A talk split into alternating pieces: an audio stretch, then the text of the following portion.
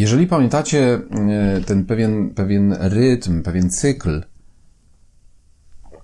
w którym e, od, od kilku tygodni, jakby w lutym głównie jesteśmy, to pamiętacie, że e, weszliśmy w taki obszar, w którym przyglądamy się sobie jako uczniom Jezusa.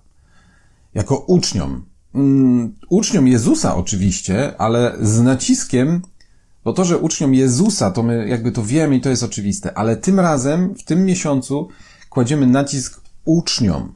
Kim jesteśmy w stosunku do naszego Pana, naszego mistrza, naszego nauczyciela i co w związku z tym um, z tego wynika. Pamiętacie ten fragment, mm, w którym, od którego w ogóle zaczęliśmy nasze pierwsze spotkanie na ten temat, kiedy to Jezus idąc e, przed tłumem, który podążał za nim, odwrócił się i powiedział, jeśli kto chce być moim uczniem, i tam podał takie trzy warunki. I o tym mówiliśmy na, na, na początku tego, mm, tego cyklu, a potem przeszliśmy do pewnych konkretów o których mówiliśmy przez dwa spotkania. I dzisiaj chciałbym, żebyśmy przystąpili do pewnego ko kolejnego konkretu, który ściśle z tego wynika.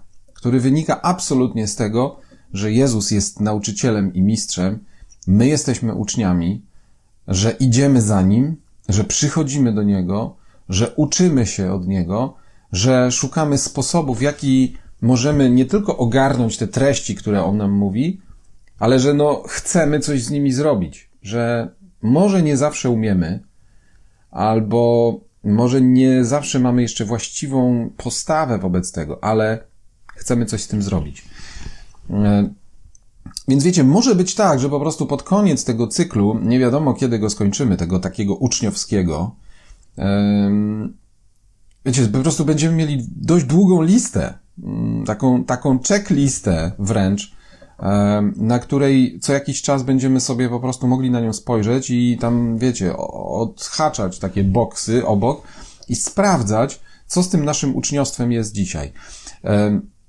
Powiem tak, dlatego na to zwracamy uwagę, że no po pierwsze czuję, że Duch Święty nas do tego ewidentnie prowadzi, żebyśmy się tym zajęli, ale po drugie, i może nawet ważniejsze e, w tym momencie, to jest to, że po prostu Bóg przygotowuje swój Kościół na czasy, nie, nie chcę powiedzieć czasy ostateczne, bo czasy ostateczne to one są właściwie od momentu, kiedy Jezus przyszedł na ziemię po raz pierwszy.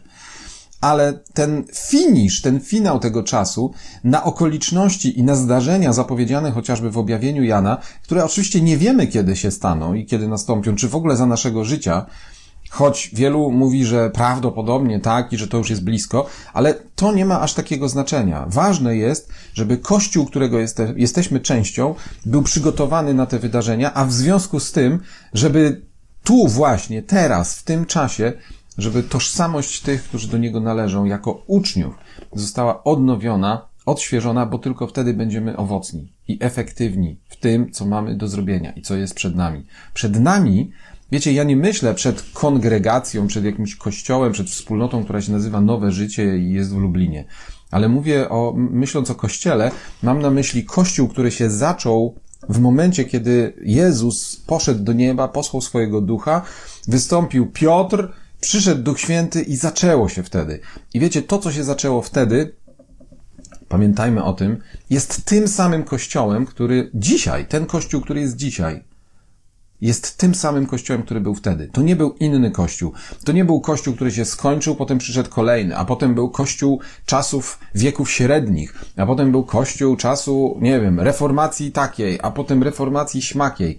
Nie, to były czasy oczywiście i ta reformacja, czy, czy te czasy, one dotykały kościoła i kościół w nich w tym czasie też był i kościół w tym czasie funkcjonował, ale wiecie, z kościołem jest tak, nie wiem dlaczego o tym mówię, ale może to dla kogoś jest ważne. Z kościołem jest tak jak z organizmem człowieka.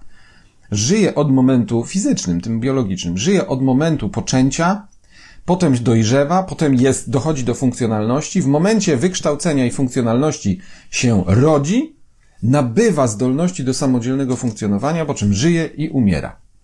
Ale pomiędzy czasem, w którym e, się narodził, a czasem, w którym umarł, cały, cały, cały absolutnie ładunek wszystkich komórek, z których się składa, został kilku, kilkunastokrotnie wymieniony.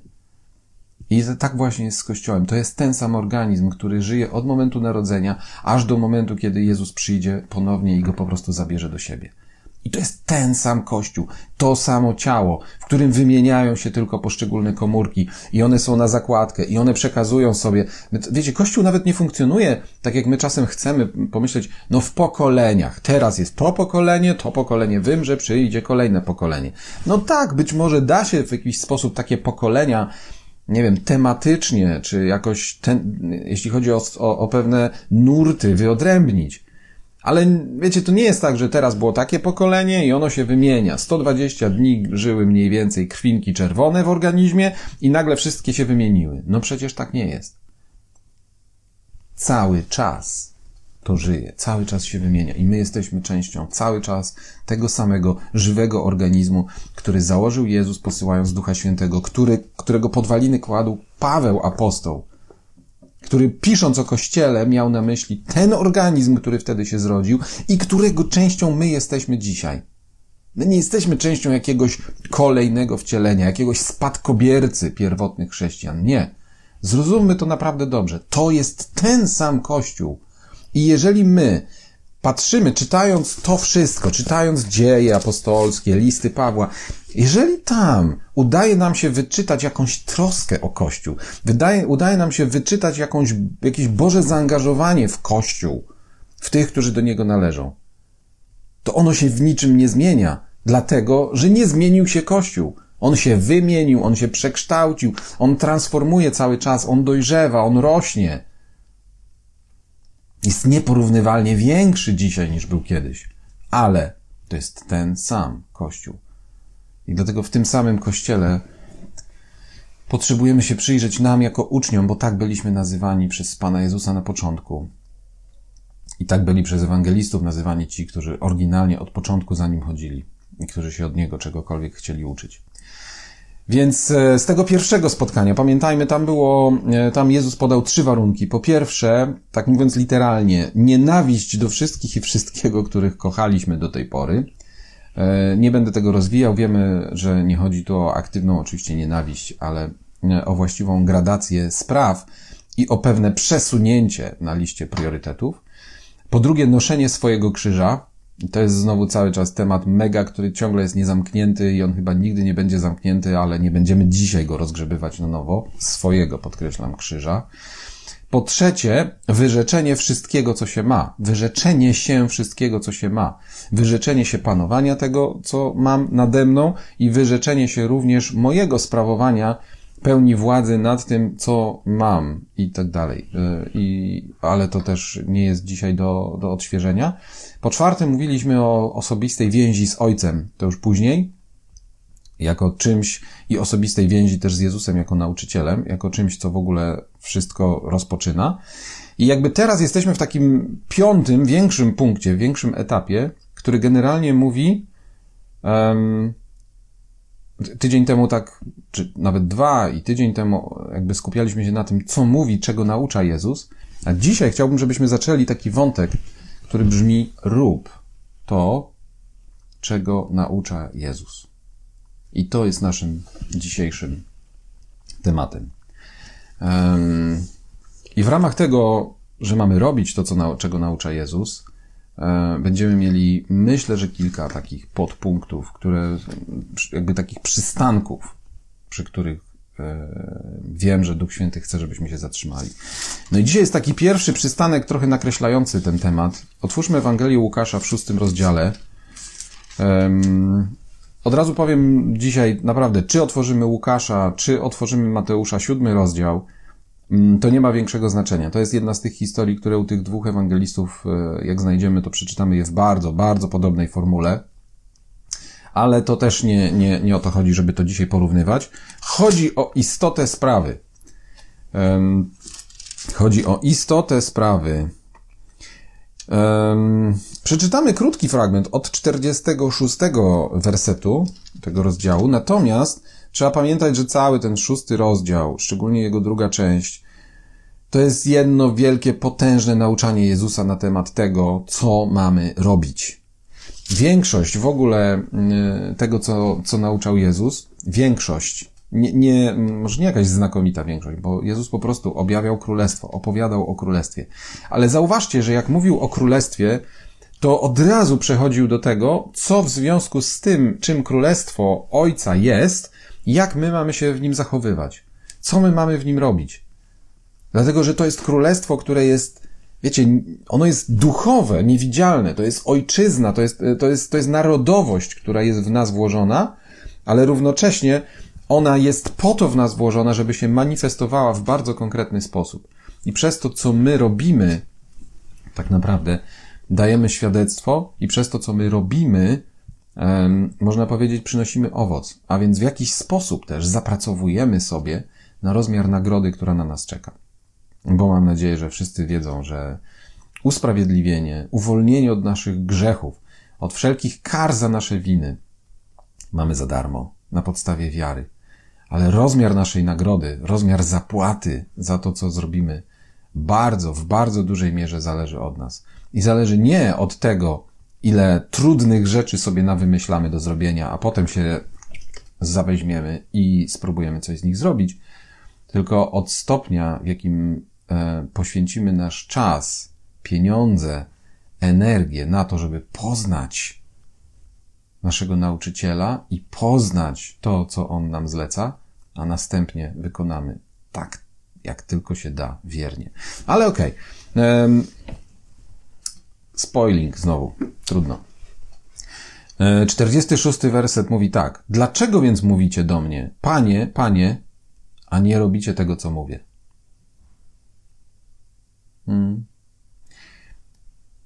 Wiecie, w tym panie hmm, zawiera się również nauczyciel, bo oczywiście pan jest pojęciem szerszym. Ostatnio za każdym razem trochę wchodziliśmy w gdzieś tam w te źródłosłowy greckie, po to, żeby to troszeczkę porozkminiać. Dzisiaj trochę mniej tego będzie, więc jakby spokojnie, nie, nie wchodzimy w jakieś wykłady te, te za bardzo teologiczne czy lingwistyczne. Natomiast kluczowe dla nas jest to, żeby zrozumieć, że Jezus mówi, ok, jeżeli mówisz do mnie, Panie, to prawdopodobnie również traktujesz mnie jako nauczyciela, więc prawdopodobnie również chcesz podążać za mną i prawdopodobnie sam o sobie myślisz, że jesteś moim uczniem.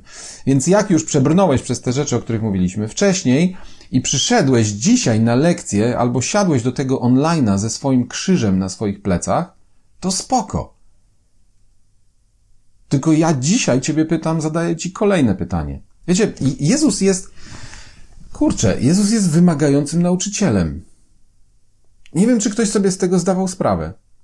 I to, co, co, co myślę, że dla nas jest dzisiaj kluczowe, to, to nie to, że on jest nauczycielem okrutnym albo jakimś sadystycznym. Ale nikt z nas nie chciałby posłać swojego dziecka do szkoły, w której nikt od niego nic nie będzie wymagał, w której nikt nie będzie sprawdzał, jakie czyni postępy w nauce. Nikt nie chciałby posłać swojego dziecka do szkoły, w której będzie cały czas tylko głaskane i będzie mu mówione, jaki ty jesteś cudowny i jak to dobrze, że jeszcze nic nie umiesz, ale nic nie musisz umieć. Nie przejmuj się. Nie przejmuj się, że nic nie umiesz. Nie przejmuj się, że nie realizujesz zadań. Wszystko jest z tobą dobrze. Nie stresuj się. Nie wiem, czy ktoś by z nas chciał do, do takiej szkoły samemu chodzić, nie mówiąc o tym, żeby nie daj Boże dzieci swoje posłać.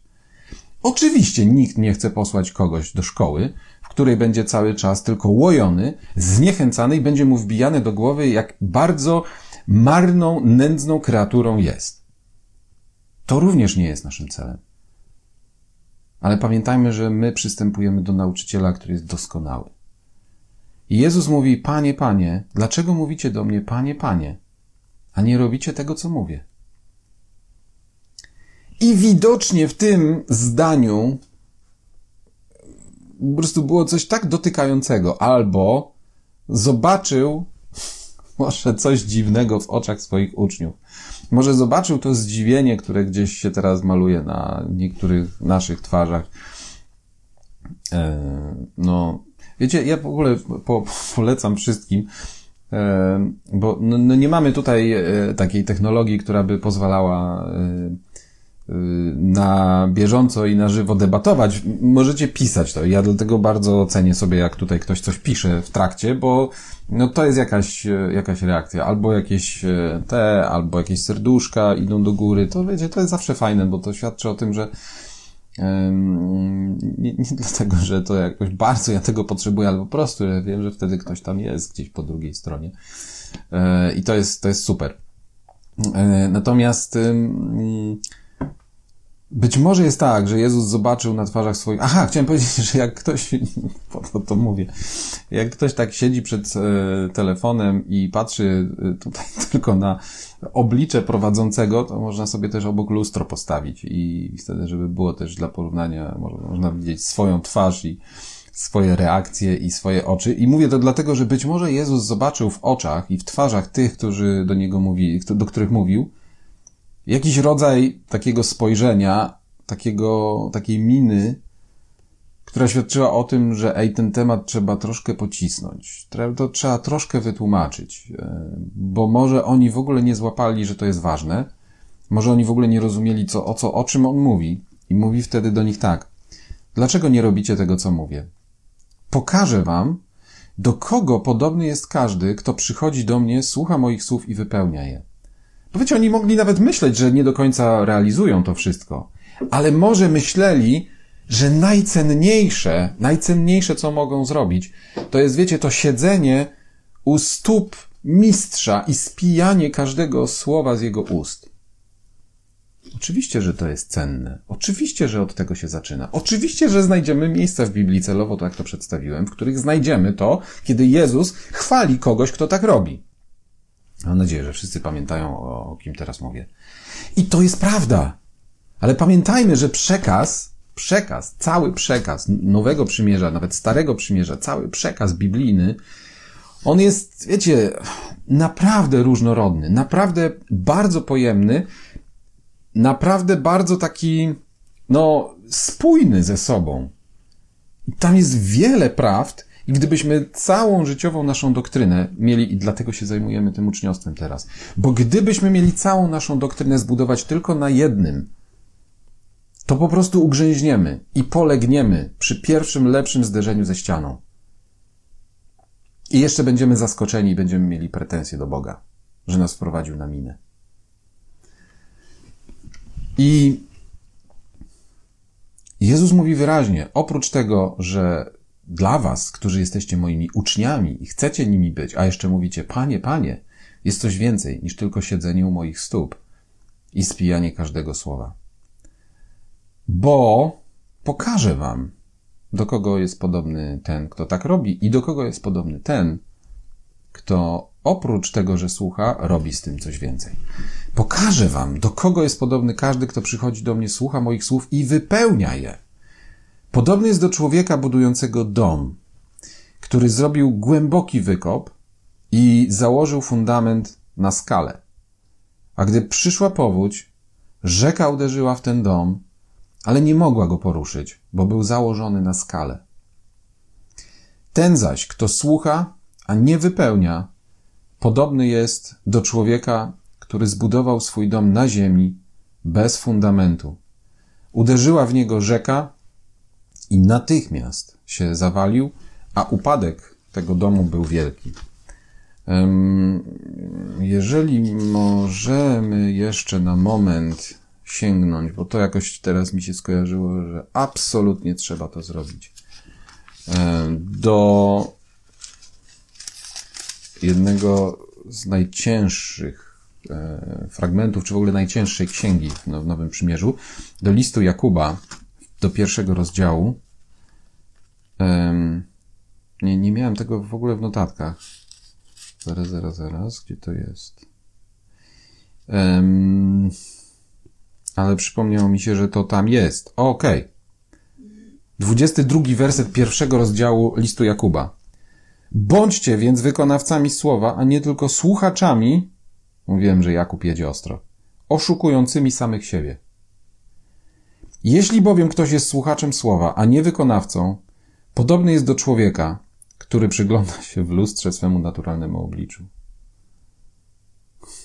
Chwilą o lustrze powiedziałem w ogóle bez związku. bo przyjrzał się sobie, odszedł i zaraz zapomniał, jakim był. Lecz kto wpatruje się w doskonałe prawo wolności i trwa w nim, nie jest słuchaczem, który zapomina, lecz wykonawcą dzieła. Ten będzie błogosławiony w swoim działaniu.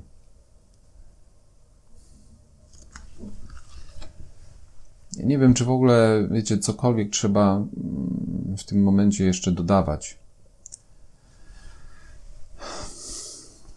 Zauważcie, że mm, Jezus bardzo często w swoich przypowieściach, można powiedzieć, wywracał trochę do góry nogami, albo, albo właśnie, no, odwracał tył naprzód, albo wywracał na lewą stronę.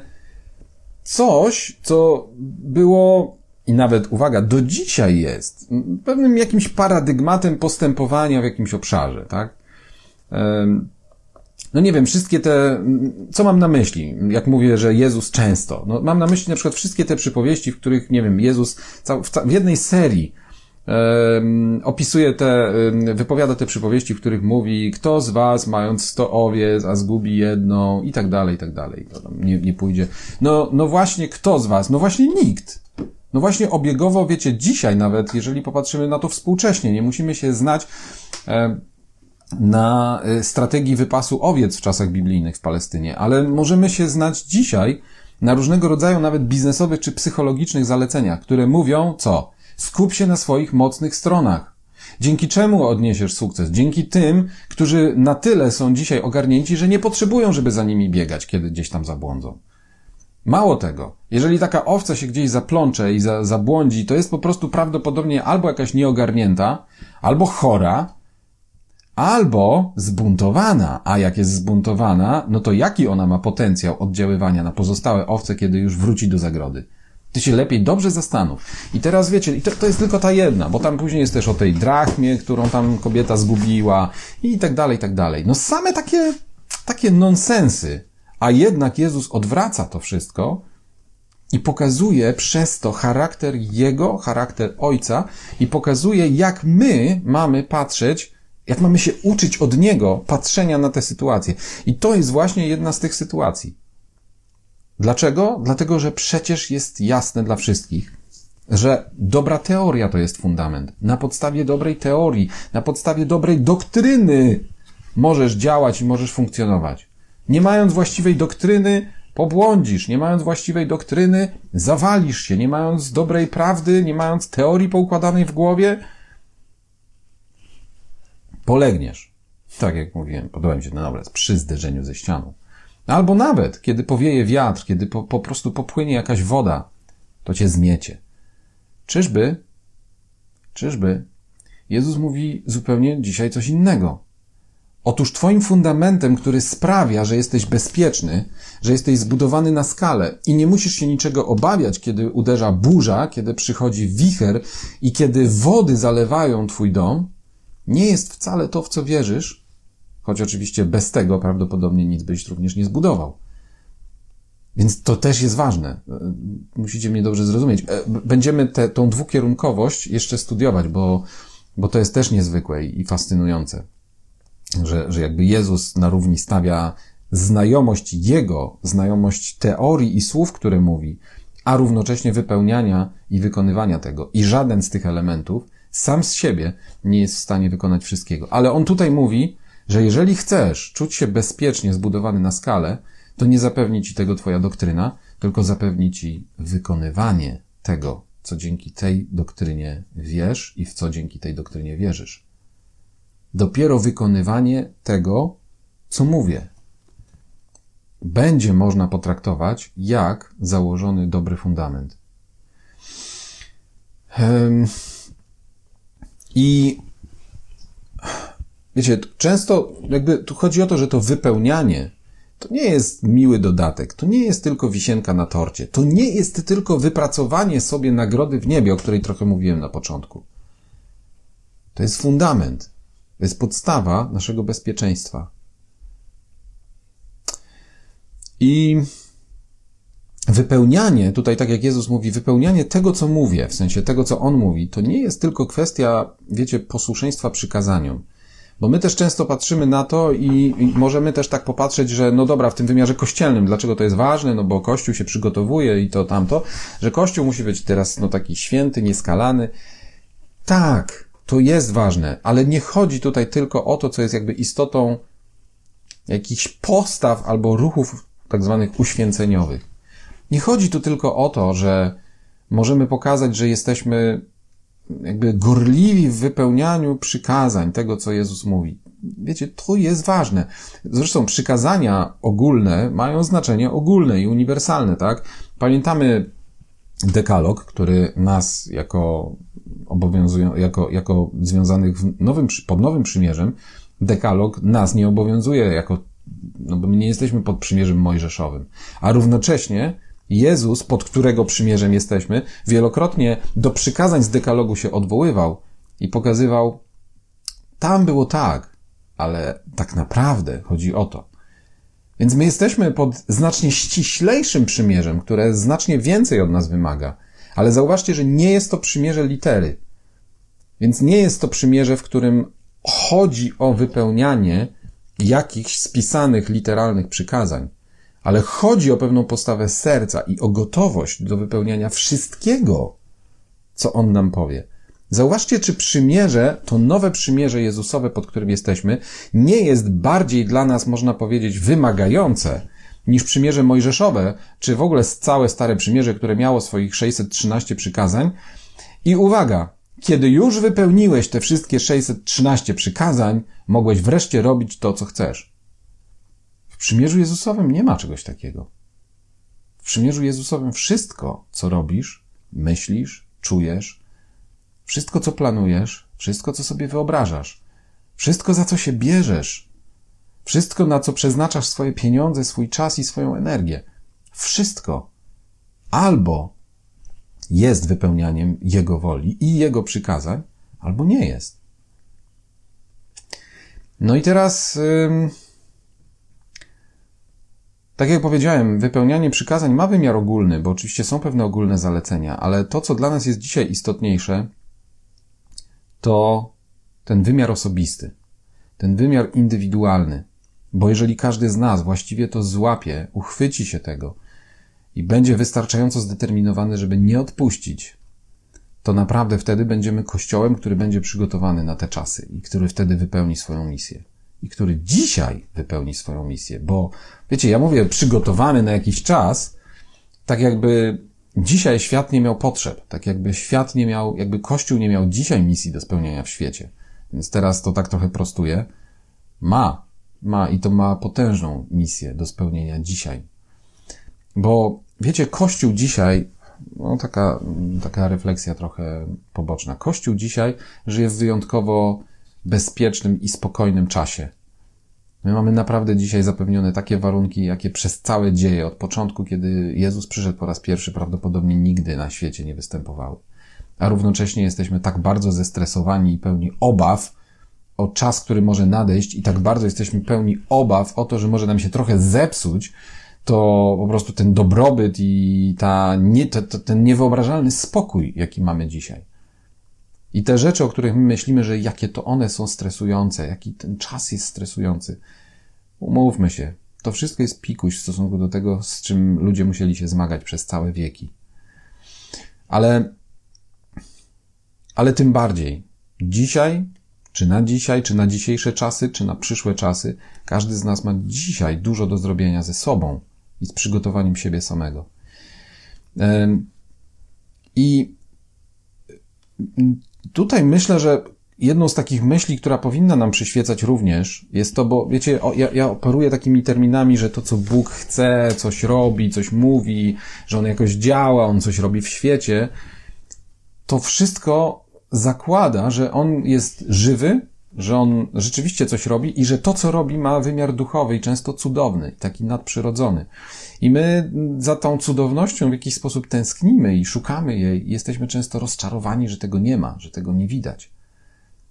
Tymczasem być może mniej jest dzisiaj takich cudów, jakie gdzieś tam czytaliśmy, e, które wykonywał Jezus, ale nie jest wcale mniej cudów, mniej nadprzyrodzonych działań, które Bóg robi być może w trochę bardziej rozciągniętym czasie i kiedy się na nie, kiedy na nie spojrzymy, to widzimy, że tam było na pewno nie mniejsze Boże oddziaływanie niż wtedy, kiedy Jezus uzdrawiał na przykład ślepego od urodzenia albo kiedy wskrzeszał dziewczynkę.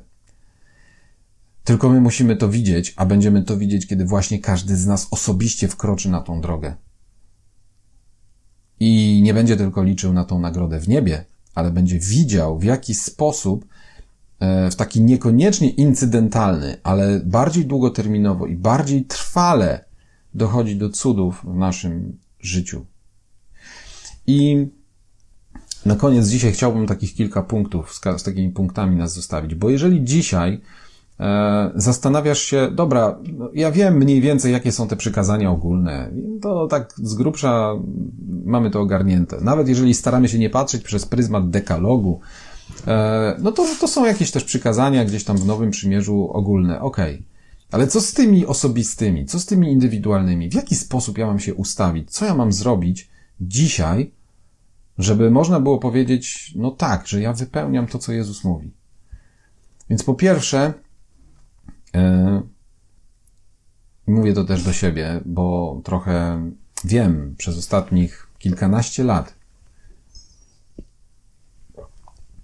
co jakiś czas do tego jakbym punktu Bóg mnie wraca osobiście i chyba to, to znowu po raz kolejny jestem w takim momencie. Po prostu nie rozglądaj się za bardzo żeby podpatrzeć, co robią inni. I żeby z całej palety powołań, zadań, przykazań, które realizują inni, wybrać sobie coś, co ci się najbardziej podoba, albo co wydaje ci się, że jest jakieś takie może najbliższe Twojemu powołaniu.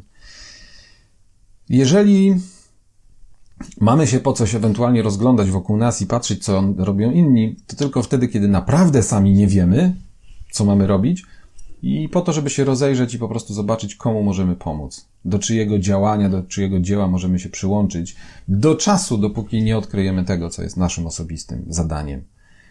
E, zresztą to też jest taka refleksja. Nasze osobiste zadania i powołania bardzo rzadko są takie, wiecie, ostatecznie wykonawczo indywidualne. Bardzo rzadko chodzi o to, żeby coś robić potem samemu. Najczęściej chodzi o to, żeby coś robić razem. Więc tak czy inaczej, gdzieś tam to rozglądanie będzie, dookoła będzie potrzebne. Ale nie po to, żeby popatrzeć, co robią inni i żeby to, co ja mam do zrobienia, w maksymalny sposób upodobnić do tego, co, co inni robią. To zazwyczaj jest kanał. Po drugie, pytaj Pana tego, czego On od Ciebie oczekuje. Czego On oczekuje od Ciebie. I nie pytaj za wiele o to, czego On oczekuje od innych bo możesz się spotkać z taką odpowiedzią Jezusa, jaką dostał Jan, kiedy, kiedy dostał Piotr, kiedy pytał e, Jezusa już zmartwychwstałego o Jana, tak? A panie, a co z tym? A Jezus mówi, a jakbym chciał, żeby ten został, dopóki nie wrócę, to co ci do tego? E, więc jeżeli Pan będzie chciał, żeby ktoś z Twoich braci i sióstr robił coś, albo właśnie, to co tobie do tego? Ty się skup na tym, co, czego Pan oczekuje od ciebie. Prawdopodobnie będzie tego oczekiwał e, też od innych, ale niech On to powie tobie. Po trzecie, jak się rozglądasz dookoła, nie, nie na służbę innych braci i sióstr, ale jak patrzysz na świat, to, to pozwól temu, co widzisz w świecie, pozwól potrzebom tego świata poruszyć Twoje serce, ale tym bardziej wtedy pozwól Panu mówić do Ciebie o tych potrzebach. Wiecie, my często mamy, i tu jest bardzo częsty nasz błąd, więc tu na momencik się zatrzymam. My wiemy, że dobrą rzeczą jest wrażliwość naszego serca, że, że dobrą rzeczą jest widzieć potrzeby świata, widzieć potrzeby ludzi. Dobrą rzeczą jest mieć w sobie jakąś gotowość do tego, żeby te potrzeby zaspokajać, żeby im na nie odpowiadać. Tylko błędem naszym jest to, że kiedy te nasze wrażliwe i miękkie serca przyłożymy do tych potrzeb, to zbyt wcześnie, kiedy te potrzeby zaczną do nas wołać, ruszamy albo chcemy od razu się wyrwać do ich realizacji. Jest taki moment, w którym kiedy te potrzeby zobaczymy, trzeba wrócić znowu do Pana, do naszego nauczyciela, i zapytać, co ty o tym myślisz, co ja zobaczyłem? Co ty myślisz o tym, co poruszyło moje serce? Co ty myślisz o tych dzieciach, które potrzebują, które są sierotami? Co, co myślisz o tych dzieciach, które wprawdzie nie są sierotami, ale przeżywają jakąś gehennę w swoich domach? Co myślisz o wdowach, o kobietach samotnie wychowujących dzieci, które się zmagają z e, jakimiś e, problemami ekonomicznymi, społecznymi, takimi, innymi? Wiecie, Jezus dużo mówił o sierotach i wdowach, więc możemy, wystarczy, że się tylko przyjrzymy takim osobom. Co myślisz o tych, którzy są dzisiaj bankrutami? Co myślisz o tych, którzy są ubogimi? Co myślisz o tych, którzy zbankrutowali? Co myślisz o tych, którzy z powodu COVID-a zamknęli swoje biznesy i dzisiaj naprawdę sprzedali swoje domy i nie mają za co żyć? Pytaj Pana, co On o nich myśli i co On myśli o Twojej roli i Twoich zadaniach wobec tych ludzi. Bo kiedy od Niego będziesz wiedział, co masz robić, jak się ruszyć, do kogo pójść i co zrobić, to wtedy zobaczysz, tak naprawdę, dopiero zobaczysz Jego moc. Zobaczysz, czy my nie marzymy o tym, żeby być pracownikami w królestwie, wiecie, na farmie naszego Ojca, używającymi wszystkich możliwych narzędzi i zasobów, które On ma? Czy my nie marzymy o tym? Więc dlaczego tak trudno nam przychodzi wrócić do tego miejsca, wiecie, i po prostu poczekać chwilę, aż On nas wyśle, aż On nas wyśle na swoje żniwo, aż On nas wyposaży, aż da nam Jego narzędzia do ręki, nie nasze. Nie te, które my, nam się wydaje, że będą nam potrzebne, ale te, o których On wie, że będą nam potrzebne. Aż On nas wyposaży i wtedy ruszymy. I czwarty taki punkt mały na dzisiaj, nie zrażaj się, jeżeli dostaniesz jakieś zadania od Pana, to nie zrażaj się, bo po pierwsze, nie zrażaj się tym, że mogą być małe, nie zrażaj się tym, że mogą być po pierwsze, po drugie dziwne, więc im bardziej zadanie jest od czapy, to tym bardziej, uwaga, ono może być bardziej docelowe dla ciebie i dla mnie. Dlatego, że często jest tak, że zadania, które dostajemy na początek, są jakimś właśnie treningiem, są jakąś rozbiegówką. Nie znaczy to, że nie są ważne, bo prawdopodobnie rzeczywiście czegoś albo kogoś mają dotknąć. Rzeczywiście czyjeś życie mogą zmienić.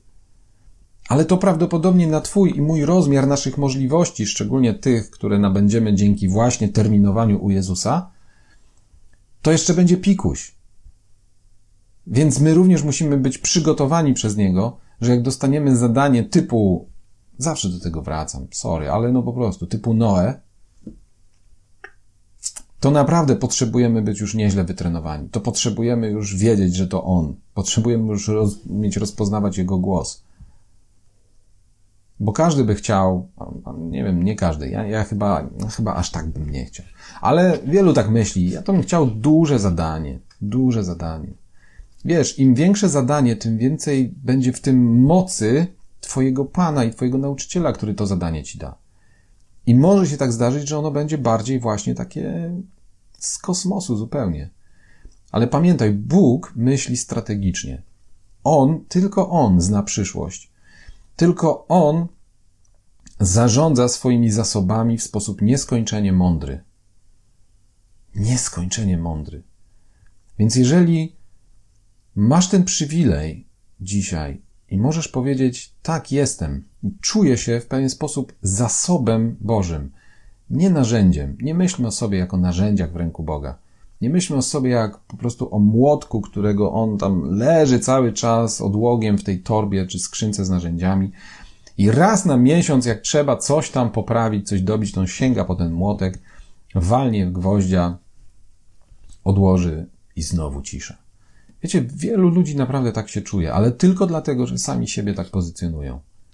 Więc nie myślmy dzisiaj o sobie jak o narzędziach, ale jako współpracownikach jak o właśnie pewnego rodzaju zasobie, jak o człowieku, kogo Bóg może posłać do wykonania jakiegoś zadania. I kiedy uwierzysz w to, że On naprawdę Ciebie traktuje jak, jak swojego współpracownika, którego może z zaufaniem posłać, to będzie Ci powierzał zadania. No i tak właśnie może być im dalej w las, im bardziej, im większe będzie jego zaufanie do ciebie I im większe będzie zaufanie, które on będzie widział w tobie, że ty masz do niego i do siebie samego, jako do jego ucznia. Bo wiecie, my, my często myślimy, że wystarczy, że ja będę ufał Bogu. Okej, okay, to jest podstawa, ale to nie wystarczy, bo wystarczy, bo potrzeba również, żebyś ufał sobie, jako temu, którego Bóg kształtuje. Zauważ, ile razy przed zrobieniem czegoś naprawdę wow, powstrzymuje cię nie to, że mówisz, nie, Bóg tego nie da rady zrobić. Nie. Zauważ, ile razy myślisz, Bóg to jednak jest lekkomyślny, bo powierza mi takie rzeczy, których ja na pewno nie jestem w stanie zrobić. I co? I nic nie robisz. I czekasz, nie wiadomo na co. Więc Bogu nie tylko chodzi o to, żebyś ty zaufał Jemu, ale żebyś ty na podstawie tego, tego zaufania, które masz do Niego, również jako Jezusowi, jako Jego, jako nauczyciela. Wiecie, jak, jak będziesz miał zaufanie do nauczyciela, to będziesz miał w konsekwencji większe również zaufanie do tego, czego ten nauczyciel cię nauczył, do tego, kim cię zuczynił, jak cię ukształtował, i w związku z tym będzie w tobie więcej takiej naturalnej wiary, żeby robić to, co mówi, że możesz zrobić. A kiedy my zaczniemy robić to, do czego On nas powołuje i, i to, co chce i czego oczekuje o nas, że mamy zrobić, to wtedy naprawdę świat wokół nas zacznie się wywracać do góry nogami. Wtedy naprawdę ten świat, te, te, to żniwo, które jest przygotowane, ono naprawdę będzie zrzęte. I ostatecznie musimy pamiętać nie dzięki jakimś kompetencjom, których teraz zaplanujemy, że się nauczymy, ale dzięki właśnie przede wszystkim tej kluczowej kompetencji, temu zaufaniu i gotowości do umiejętności rozróżnienia jego głosu i zaufaniu do tego, że jak on coś powie, to on to doprowadzi do końca. Że jak on nas gdzieś posyła, to on z nami jest. Że jak on coś chce, żebyś zrobił, że jak on cię cały czas gdzieś tam bodzie i zachęca do tego, żebyś się rozejrzał, jakie są potrzeby ludzi dookoła, to nie dlatego, że chcecie uświęcić, że chcecie wprowadzić w jakieś trudne okoliczności, że będziesz przechodził cierpienia i próby i te cierpienia i próby cię uszlachetnią tak, że zasłużysz na niebo. Nie możemy tak myśleć o nim. On ma konkretne rzeczy, które zaplanował teraz, w tym pokoleniu. Nawet jeśli by to miało nie być jeszcze ostatnie pokolenie przed jego powrotem na ziemię. To on cały czas, wiecie co mówi słowo, co, co Jezus powiedział? O tym dniu nikt nie wie, tylko ojciec. Nawet syn. Więc teoretycznie nie bardzo sobie to potrafię do końca wyobrazić, ale, ale Jezus też nie wie, kiedy nastąpi ten moment, kiedy ojciec powie do niego: Teraz, synu, teraz wracasz. No i do momentu, kiedy to nie nastąpi, Jezus cały czas robi to, co jest zaplanowane, co jest zapisane, co jest zapowiedziane. I my jesteśmy tego częścią. I niech nas Bóg broni, żebyśmy byli częścią, która po prostu siedzi tylko w domach, ogląda jakieś online, YouTube i inne nauczania i nic z tym nie robi. Jest po prostu potężna, nie, nieogarnięta ilość rzeczy do zrobienia. I naprawdę nie mówię tego dzisiaj, dlatego żebyśmy wpadli w jakąś nerwowość, o matko, to my nic nie robimy, to teraz zróbmy wszystko. Nie. Wystarczy, że z tego czasu spędzonego właśnie u stóp Jezusa wyciągniemy to, co On nam mówi, że mamy zrobić i zaczniemy się do tego przygotowywać i zaczniemy robić. Najpierw mały, pierwszy krok, potem drugi. Wiecie, po prostu Jezus jest mądrym nauczycielem i nie będzie nam dawał kolejnych trudnych zadań, kiedy nie zrealizowaliśmy wcześniejszych, być może trochę trudnych, ale na naszą miarę. Naprawdę on wie, jak budować kościół. Naprawdę on wie, jak prowadzić ciebie, jak prowadzić mnie. Wielokrotnie tego doświadczyłem i, i nie ukrywam, że chcę tego znowu doświadczyć teraz, w tym czasie. I mówię też dzisiaj to słowo oczywiście do siebie i też, żebym, bo, bo nie chciałbym, żeby mnie coś ominęło. I na koniec ostatnia rzecz jest taka dzisiaj, że może, może wejście w coś nowego będzie oznaczało potrzebę wyeliminowania czegoś, czym się zajmujemy do tej pory. I prosto, prosto będzie, jeśli to będzie rzecz, o której powiemy sobie, a dobra, to jest ta jedna z tych rzeczy, które miłuję albo miłowałem dotychczas i o których Jezus powiedział zaraz na początku tego naszego cyklu, to musicie zacząć to nienawidzieć. No, to, to okej. Okay. Ale być może z tych rzeczy, które kochasz, z tych rzeczy, do których miłość On wsadził do Twojego serca, będzie trzeba coś zostawić. Może na jakiś czas, może już na zawsze. Dlatego, żeby się skupić i powierzyć, poświęcić, e, jak to się mówi, oddać, oddedykować siebie do tych zadań, które On stawia przed Tobą dzisiaj. Bo może one tego będą wymagały. A może po prostu, może ktoś z nas jest zmęczony. Może jesteśmy zmęczeni. I jedyne o czym myślimy to po prostu odpocząć, a ten tu dzisiaj gada o jakichś kolejnych rzeczach do zrobienia. Może Twoim zadaniem na dzisiaj jest odpocząć. Może tak. Więc od tego zacznijmy. Zróbmy użytek z tego, że, że słuchamy, że słuchamy naszego Pana, że słuchamy naszego nauczyciela, że słuchamy tego, który mówi: OK, mówicie do mnie, Panie, Panie, a nie robicie tego, co mówię. Po prostu zacznijcie to robić. Więc jeżeli cokolwiek to będzie, co dzisiaj Pan ci powie, że masz teraz zrobić, postanów sobie teraz to w tej chwili, tak jak ja teraz to robię gdzieś tam w swoim tutaj umyśle i w swoim sercu. Postanów w swoim sercu, że zrobisz to, co Pan ci powie. Być może to nie będzie od razu to docelowe zadanie, do którego cię stworzył w ogóle, czy mnie. Być może to będzie jakiś mały pierwszy krok. Być może to będzie skontaktowanie się z kimś, spotkanie z kimś, zadzwonienie, zaproszenie kogoś do siebie do domu, odezwanie się do kogoś zupełnie niewierzącego, kogo widzisz gdzieś, mijasz e, codziennie i e, poza służbową wymianą jakichś uprzejmości e, na nic się nie zdobyłeś. Może po prostu prawdopodobnie będzie to niezbyt wygodne, ale prawdopodobnie również na pewno będzie to absolutnie wykonalne. I znowu nie mówię tego po to, żebyśmy teraz, wiecie, szukali jakichś niewygodnych rzeczy i sam, wyzwań sami dla siebie. Nie. Nie. Uspokój się, usiądź na chwilę, zamilknij i posłuchaj z nastawieniem serca, że zrobisz to, co dzisiaj Pan ci powie, że masz zrobić. Nawet jeśli to będzie, nie wiem, posprzątanie czegoś, kuchni. Cokolwiek.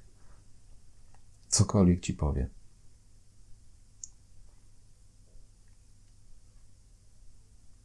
Taki kościół będzie owocny.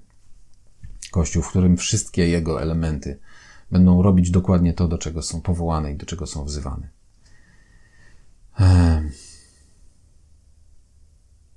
Nie mam dzisiaj już nic więcej do dodania, bo myślę, że myślę, że to nam wystarczy.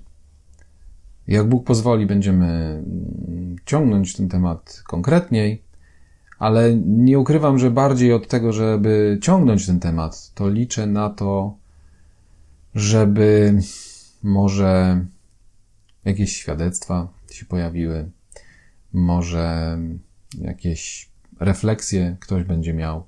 Więc wiecie, wykorzystujmy albo tutaj ten czat pod tym e, dzisiejszym spotkaniem do tego, żeby się tym dzielić, e, albo którąś z naszych grup, e, takich kościelnych, społecznościowych, albo jakikolwiek inny, inny format, albo jakikolwiek sposób interakcji z kimś drugim.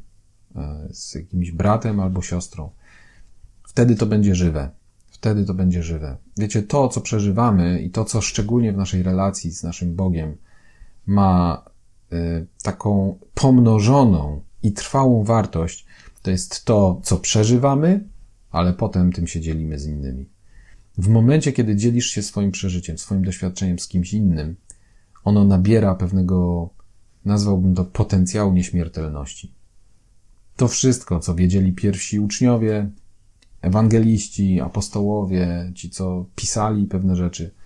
Zauważcie, to nabyło tego potencjału działania niemalże nieśmiertelnego właśnie, docierania do naszych czasów w momencie, kiedy zdecydowali się tym podzielić, w takiej czy innej formie.